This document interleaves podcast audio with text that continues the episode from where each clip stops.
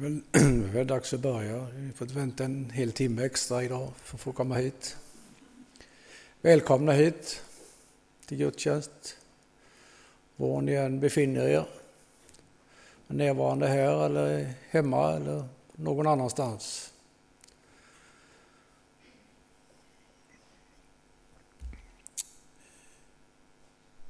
Vi börjar med att lägga den här gudstjänsten i Herrens händer. Tack Herre för att vi får mötas här igen. Tack för att vi vet att du kommer att vara med oss här nu. Vi lägger gudstjänsten i dina händer. Amen.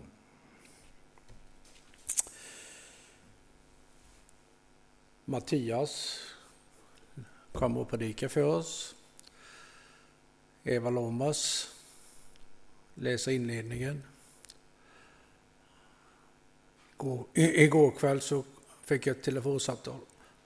Ett telefonsamtal. Hej, det är Anders Alder. Han skulle sjunga idag.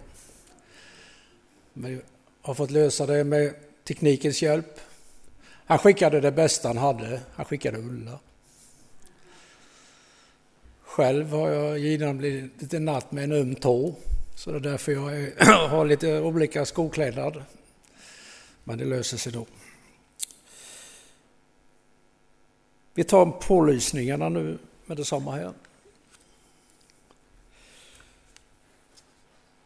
Och imorgon 9.30 är det barntimmar och 17.45 scouter, spårare har patrullen och upptäckarna hitta rätt. Jag tror vi ska släppa ut dem i skogen och sen se om de kommer tillbaka, eller jag säga. Till klockan, vi håller på till klockan 20 i alla fall. Vi räknar med att det tar lite längre tid. Det är, det är likadant med tonår, det är mörkerspårning där också. På onsdag 19.30 är det bön och samtal och fredag 19.00 20 plus. Nästa söndag den första november. Redan där. Nattvardsgudstjänst. Det är Johanna som talar och leder mötet. Och det är barnvälsignelse. Och jag tror att Anna-Sara Andersson ska sjunga. Om det är någon som undrar vem det är så så får ni väl titta på det. Man kan skvallra så mycket så att det är fjärde generationen. Hjalmarsson.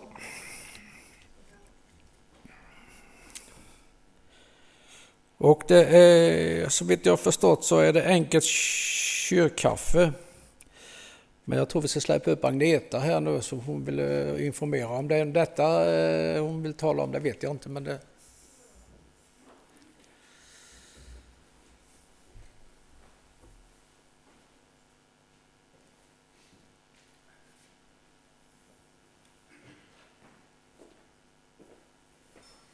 Ja, hej på er allihopa.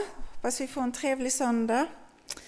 Ja, vi hade möte med kris och beredskapsgruppen i måndags för att göra lite utvärdering hur det har blivit sedan vi öppnade kyrkan och eh, se lite framåt. Nu händer det ju så mycket så vi måste ha möte i nästa vecka också i kris och beredskapsgruppen för att komma fram till de nya bestämmelserna som har kommit nu från myndigheterna. Men vi kom fram till att man sitter lite för nära varandra i bänkarna eh, och därför har vi nu tagit bort en bänkrad, framförallt alltså på det hållet, eh, så att man sitter och flåsar i nacken då på någon annan. Därför så har vi tagit bort en bänkrad. Sen får man ju Eh, titta på de här markeringarna som finns eh, på ehm, sätena där och på stolarna i, i lilla salen där. Ehm, hur man kan sitta och hur tätt. Och, och så får man ju själv också naturligtvis ha omdöme. Det har vi ju förstått att det, man vill ju sitta tillsammans med dem man normalt är tillsammans med och det är klart att man ska göra det. Vi ska också dra igång Eh, fikat, kök, enkla kyrkkaffet från och med söndag. Eh, nu den, eh, vad blir det? Ja, första november blir det väl. Och då ska vi också möblera om i, ehm, i serveringslokalen för att man inte ska kunna sitta så väldigt nära varandra. Ehm, Ja, det var väl det vi kom fram till. Vi kom också fram till att när man ska ha um, förbön eh, så brukar vi gå fram till första bänkraden och det ska numera ske i andaktsrummet då för att inte man ska vara så nära. Vi försöker hålla på det här med avstånden eh, och i övrigt är det ju helt underbart att vi får mötas, eller hur? ja, tack.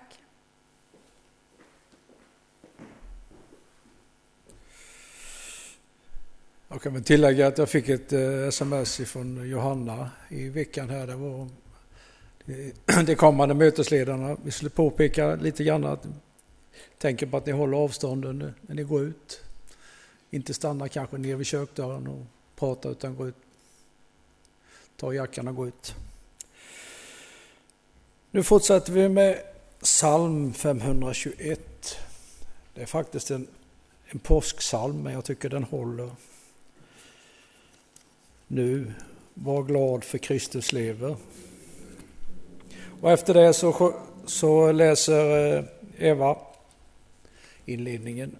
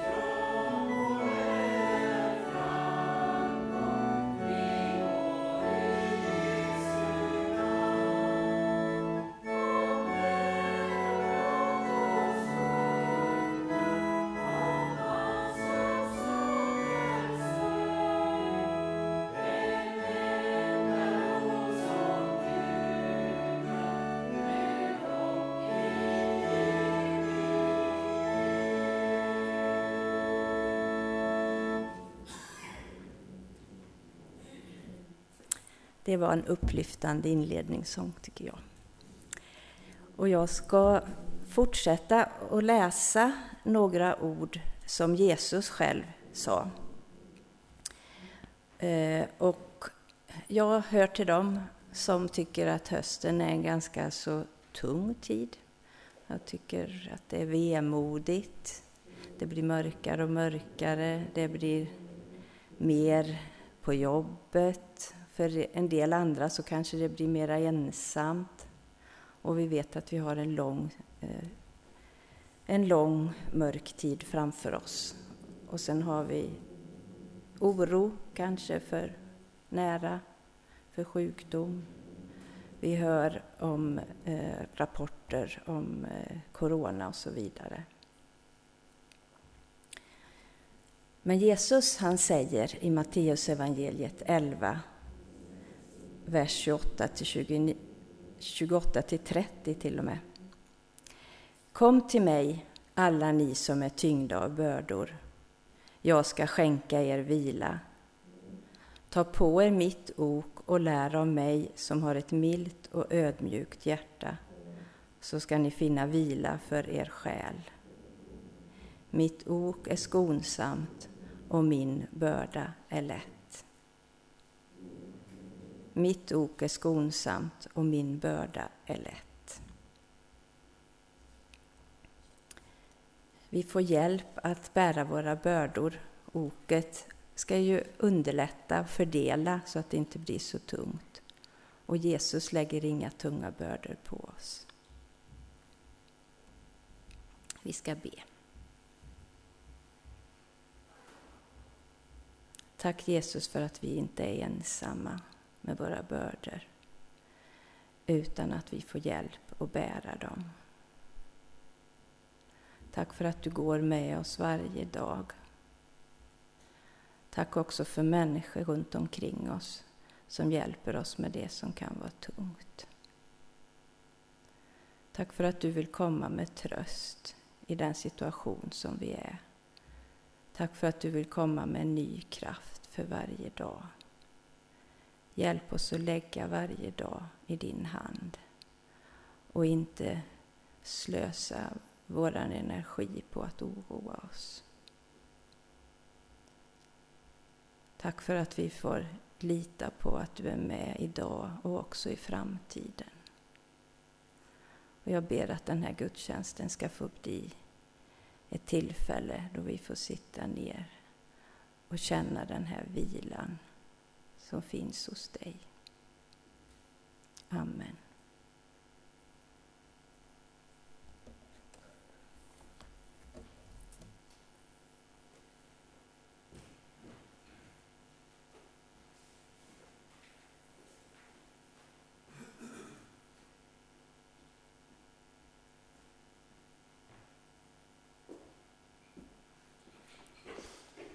Ja, ni hörde att Anders blev hes. Och Anders han bad mig hälsa till er. Han bad mig inte sjunga. Tack Anders. Eh, men ni kommer få lyssna till två stycken av de sångerna som Anders tänkte sjunga. Och han bad att jag skulle introducera en av dem. Och då tänkte han så här. Eh, I dessa virustider så känner jag ännu starkare hur viktig församlingen och gudstjänsten är. Våra liv och vår tro behöver denna plats där vi kan se hur saker hänger ihop och hur våra liv får mening och sammanhang. Även om vi samlas på ett annat sätt just nu så är gudstjänsten en viktig stund. En stund då vi påminns om att det finns något mer något som är större än oss själva. Vi påminns också om hur viktiga vi är för varandra. Som Sonja Aldén sjunger i sången som vi ska få höra. Just i denna stund, då blir jag påmind om att jag är en del av någonting mer, om hur mycket jag har att bry mig om. Då får vi lyssna till sången i denna stund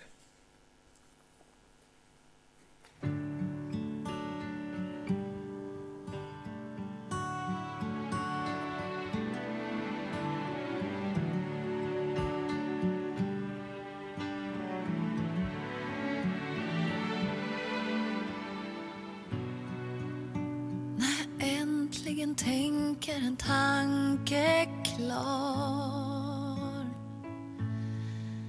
Innan nästa som alltid tar vid.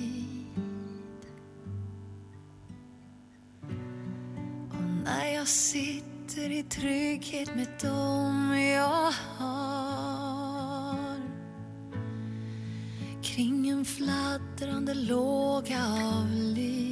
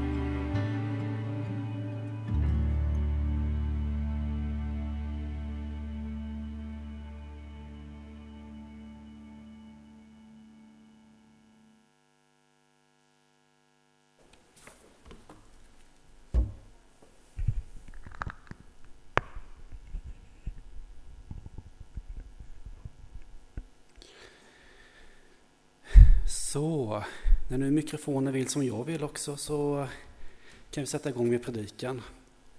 Eh, och vi fortsätter vår exposé genom Apostlagärningarna.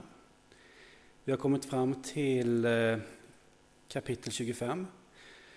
Och ni minns bakgrundskontexten, situationen som eh, råder just nu. Paulus befinner sig i fångenskap och kapitlen som är nu är egentligen bara en serie förhör med olika makthavare som, eh, som han ställs inför. Eh, jag kommer läsa de första tolv verserna i, eh, i kapitel 25. Och idag möter han ståthållare Festus. Tre dagar efter det att Festus hade tillträtt som ståthållare reste han från Caesarea upp till Jerusalem. Översteprästerna och judarnas främsta män lämnade då en anmälan mot Paulus till honom och de bad Festus att gynna deras sak och låta hämta Paulus till Jerusalem. De förberedde nämligen ett bakhåll för att döda honom under vägen. Festus svarade att Paulus höll sig häktig i Caesarea och att han själv snart skulle fara dit. Era ledare, sa han, får alltså följa med dit ner och anklaga mannen om han har gjort något som är fel. Festus stannade inte mer än åtta, tio dagar och for sedan ner till Caesarea. Följande dag intog han sin plats på domartribunen och befallde att Paulus skulle föras in. När han eh, kom omringades han av de judar som hade rest ner från Jerusalem. De riktade en mängd svåra beskyllningar mot honom utan att kunna styrka dem. Medan Paulus eh, försvarade sig med att säga Varken mot judarnas lag eller templet eller kejsaren har jag förbrutit mig. Men Festus, som ville hålla sig väl med judarna, frågade Paulus Går du med på att fara upp till Jerusalem och dömas av mig där? Paulus svarade, jag står inför kejsarens domstol och det är här jag ska dömas. Judarna har inte gjort något ont, det vet du själv mycket väl. Om jag har gjort mig skyldig till något som förtjänar döden är jag beredd att dö. Men om deras anklagelser saknar grund kan ingen utelämna mig åt dem. Jag vädjar till kejsaren.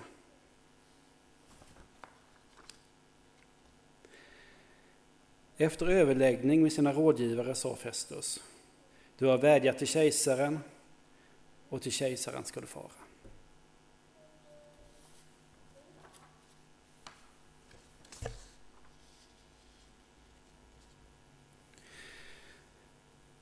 Apostlagärningarna är inte bara en av böckerna i Bibeln i sig själv, utan är en del av ett dubbelverk där Lukasevangeliet utgör första delen Lukas har alltså både skrivit ett evangelium där Jesu liv, lära, verk, död och uppståndelse beskrivs.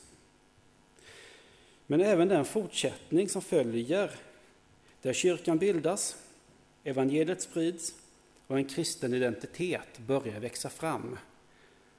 Och det, och det är det verket som vi brukar kalla för apostlagärningarna.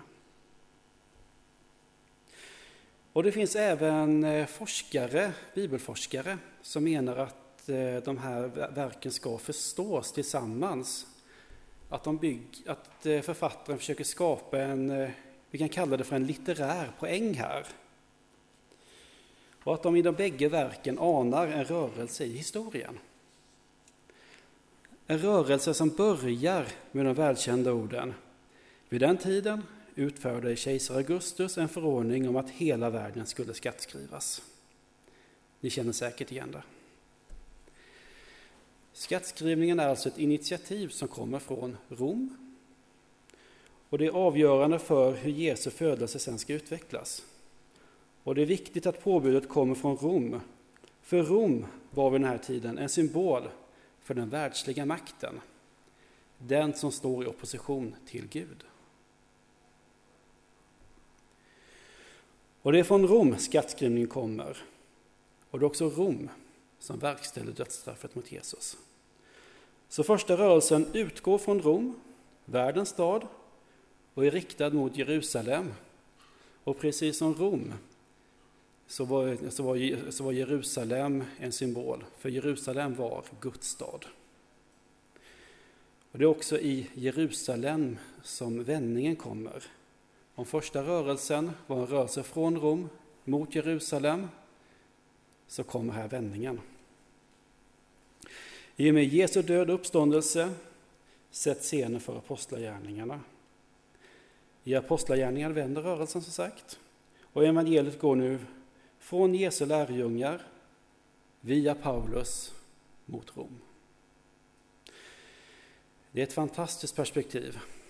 Det är också ett perspektiv som är väldigt frånvarande i dagens predikotext.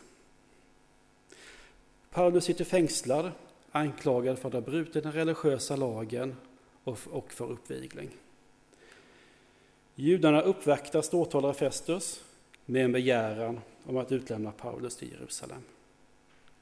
Och syftet är inte att där ge honom en rättvis prövning, utan att överfalla och döda honom längs vägen.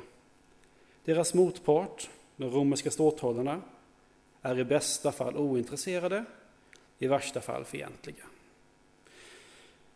Deras reaktion verkar faktiskt mest vara att försöka förstå vad i hela fridens namn de har med den här saken att göra egentligen. Och i centrum står Paulus. Och jag, tycker det, och jag tycker det verkar som att det har hänt någonting med honom också. Om vi jämför dagens text med tidigare texter och de tal han har, han har hållit tidigare så är det inte riktigt samma ton som han har haft. I Apostlagärningarna 22 var han välartikulerad i sin genomgång av den kristna historien från Abraham till Jesus. Hans talar kraft och trollbinder åhörarna. Också i Apostlagärningarna 23, när en gripen Paulus möter rådet, är han frimodig, kritisk, ja närmast uppkäftig. Men märker ni här att det enda Paulus nu har att säga till sitt försvar är Jag har inte gjort något fel. Jämför detta med den stridslystne Paulus från tidigare kapitel så får åtminstone jag en känsla av uppgivenhet. Om jag tillåts spekulera en liten stund upplever jag att Paulus kanske börjar nå sin gräns. Verkligheten har tagit ut sin rätt. År av utsatthet börjar märkas. Och han befinner sig nu i fångenskap där den religiösa eliten i Jerusalem dessutom bestämmer sig för att slutligen och en gång för alla ta livet av honom. Det är med andra ord svårt att se det större perspektivet och Guds försynsfulla handlande i texten. Tvärtom verkar det som att allting nu har tagit stopp. Men precis då, när allt verkar nått vägs ände, händer något. Och kom ihåg de här rörelserna i texten som jag pratade om tidigare. Den motrörelse som börjar i Jerusalem, Guds stad, går mot världens makter representerade av Rom. Och läser man både i Apostlagärningarna och Romarbrevet så har även Paulus en vilja och en strävan efter att få komma till Rom. Och vad är det som händer? Jo, i ett försök att slippa förflyttas till Jerusalem och riskera att sätta livet till i ett överfall vädjar Paulus till kejsaren. Vad det här betyder är att han åberopar sin rätt som romersk medborgare att få sin sak prövad vid en högre instans i Rom. Och jag tycker nästan att det, att det finns något roligt, något lite humoristiskt i den här texten. Paulus kämpar för sitt liv. Gud verkar vara väldigt frånvarande. Men man anar ändå någonstans att han finns där och betraktar situationen. Sen verkar det ju nästan som han säger, lite sådär i förbifarten, att Jo du Paulus, vi har ju pratat om det här och jag tänkte ju mig att du skulle till Rom. Vad säger du om att vi tar tag i den saken? Och då faller orden. Till kejsaren har du vädjat. Till kejsaren ska du fara.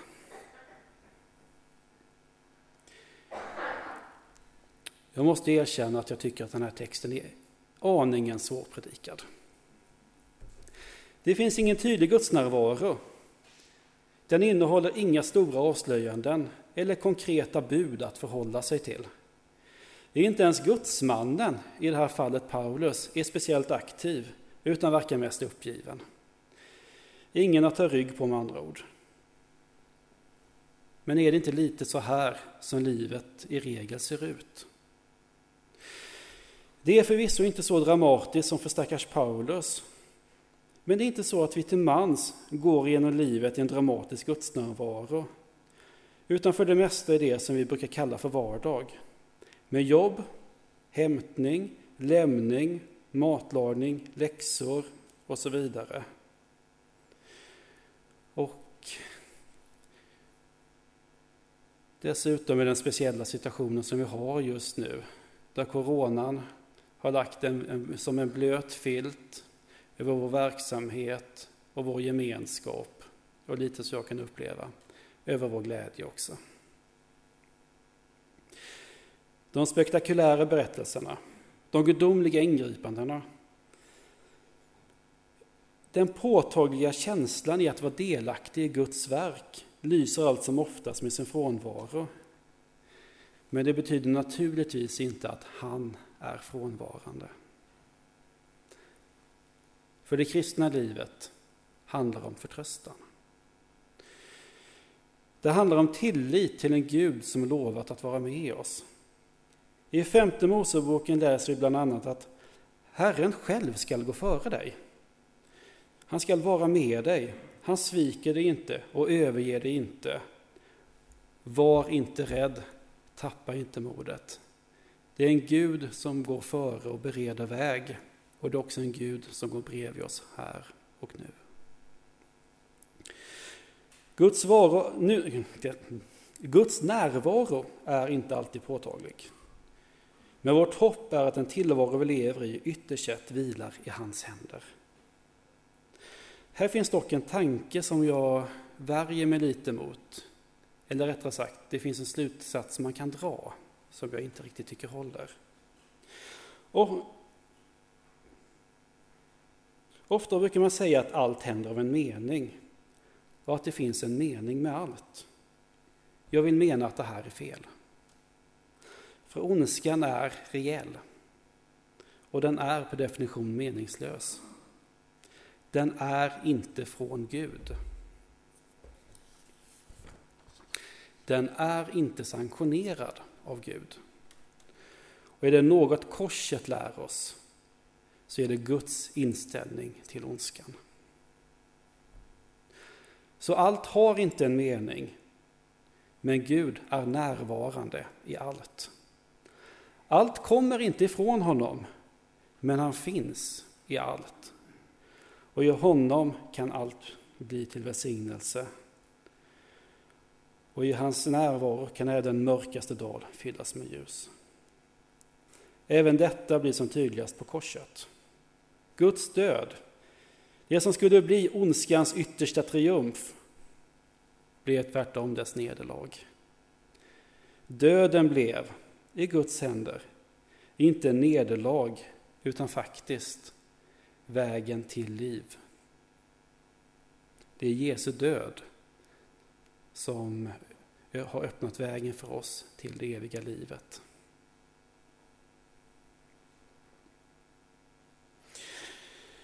Och vi ser det också i en lite mer blygsam form i dagens predikotext. Där Paulus utsatta situation blir tillfället då vägen till Rom öppnar sig. Och det som gäller där och då gäller även för oss. Allt kommer inte från Gud. Och Gud har aldrig lovat oss att han ska lyfta oss över de omständigheter som präglar vår tillvaro.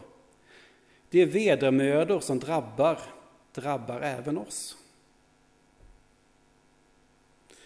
Men det han har lovat, det är sin närvaro.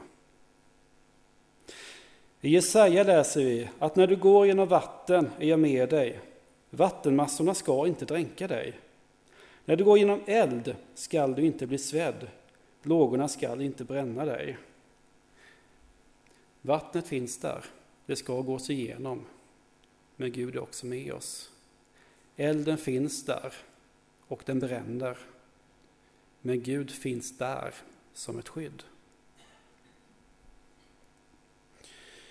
Gud är med oss i livets omständigheter. Han stöttar när vi möter motstånd. Han jublar i vår glädje. Och han håller ett vakande öga på oss när vår vardag går sin gilla gång.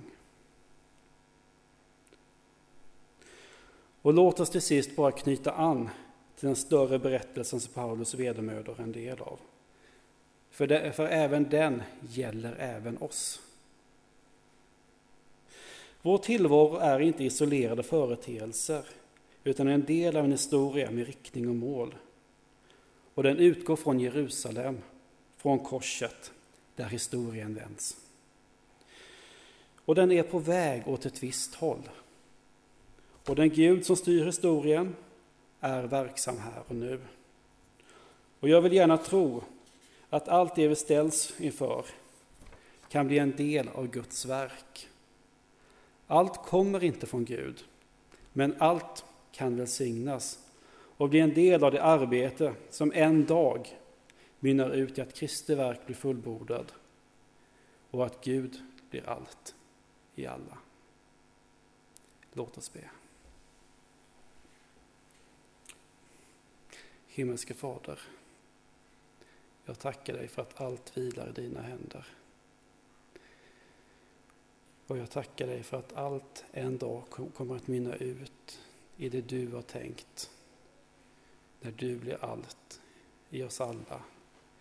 När din vilja blir den norm som den här tillvaron fungerar enligt. Och vi tackar dig för att du har det här i din hand. Jag tackar dig för att historien har vänt och att vi är på väg mot dig och mot ditt, och mot ditt rike.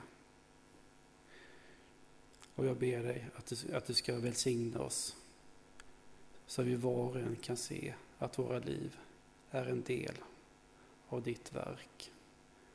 Och allt det vi gör, allt det vi ställs inför, allt det vi drabbas av kan bli till välsignelse.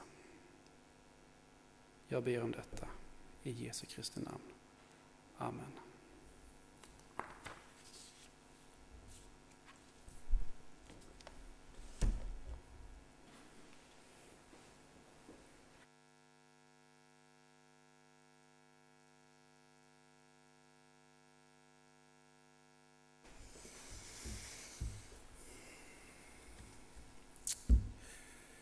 Ja, ska vi hjälpas åt att sjunga en sång, en psalm. Vi ska också hjälpas åt med kollekten. Som vanligt så är det boxarna när är nere för eventuella kontanter, gåvomaten ute på kyrkotorget eller Swish som gäller. Och salmen vi ska sjunga det är psalm 89.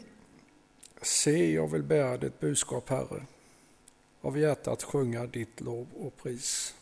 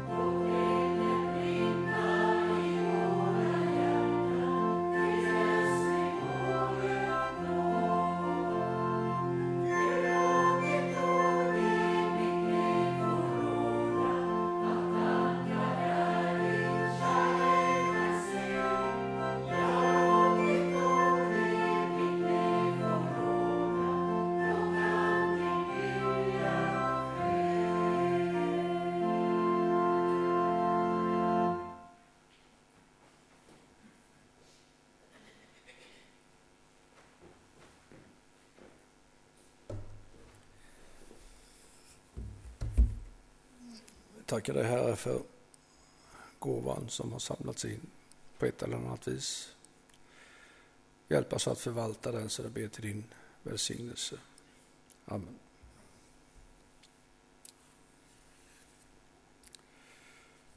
Vi ska nu gå in i en liten stund av bön och lovsång. Ingmar kommer att spela och leda oss på lovsånger. Som vanligt så står ljusspärren här bakom. Och som Magneta sa så är det någon som vill ha lite extra förbön eller något så finns Mattias ute i närheten av andaktsrummet.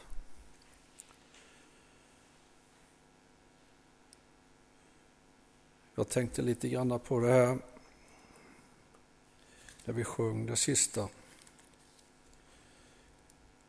Gud låt ditt ord i mitt liv få råda, att andra där din kärlek kan se. Jag låt ditt ord i mitt liv få råda, då kan din vilja ske. Det är väl en bön som vi bär med oss kanske lite var. Att det syns på oss vad vi tror på.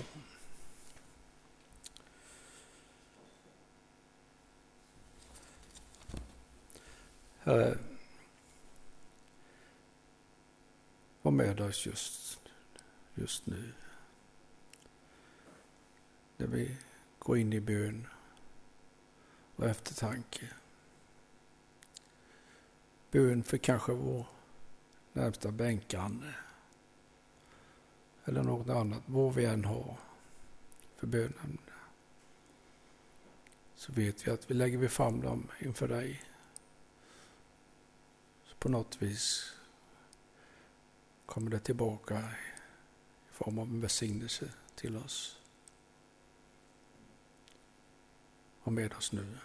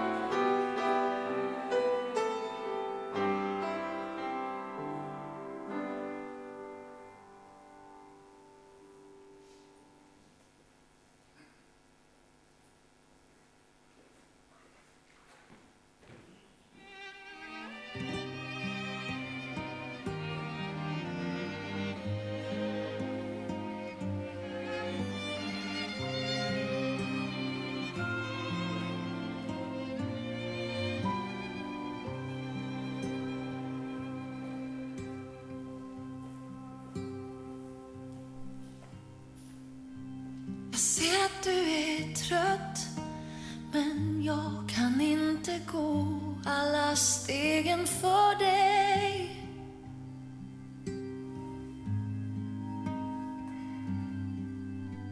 Du måste gå dem själv Men jag vill gå dem med dig. Ja, jag vill gå dem med dig.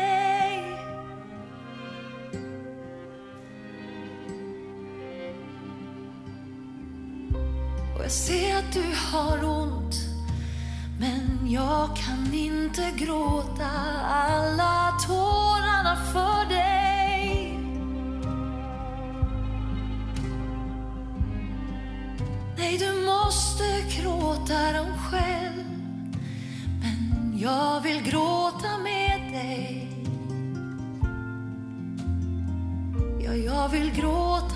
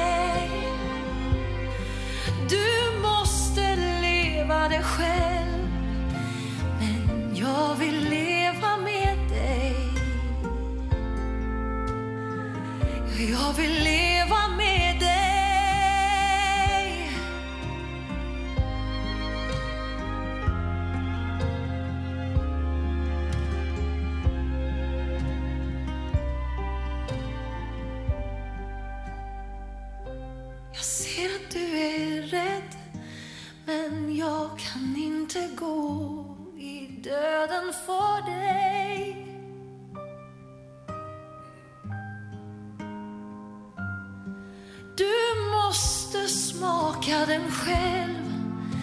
Men jag gör död till liv för dig.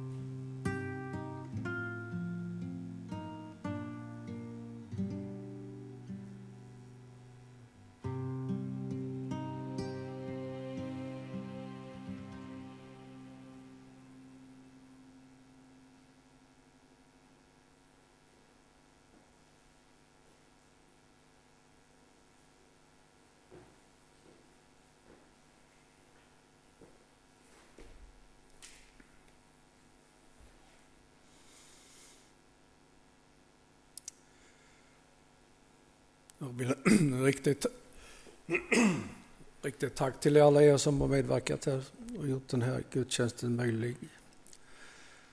Det var ju inte den allra bästa starten igår, men det i natt trodde jag själv inte att jag kunde stå här. Men det löste sig.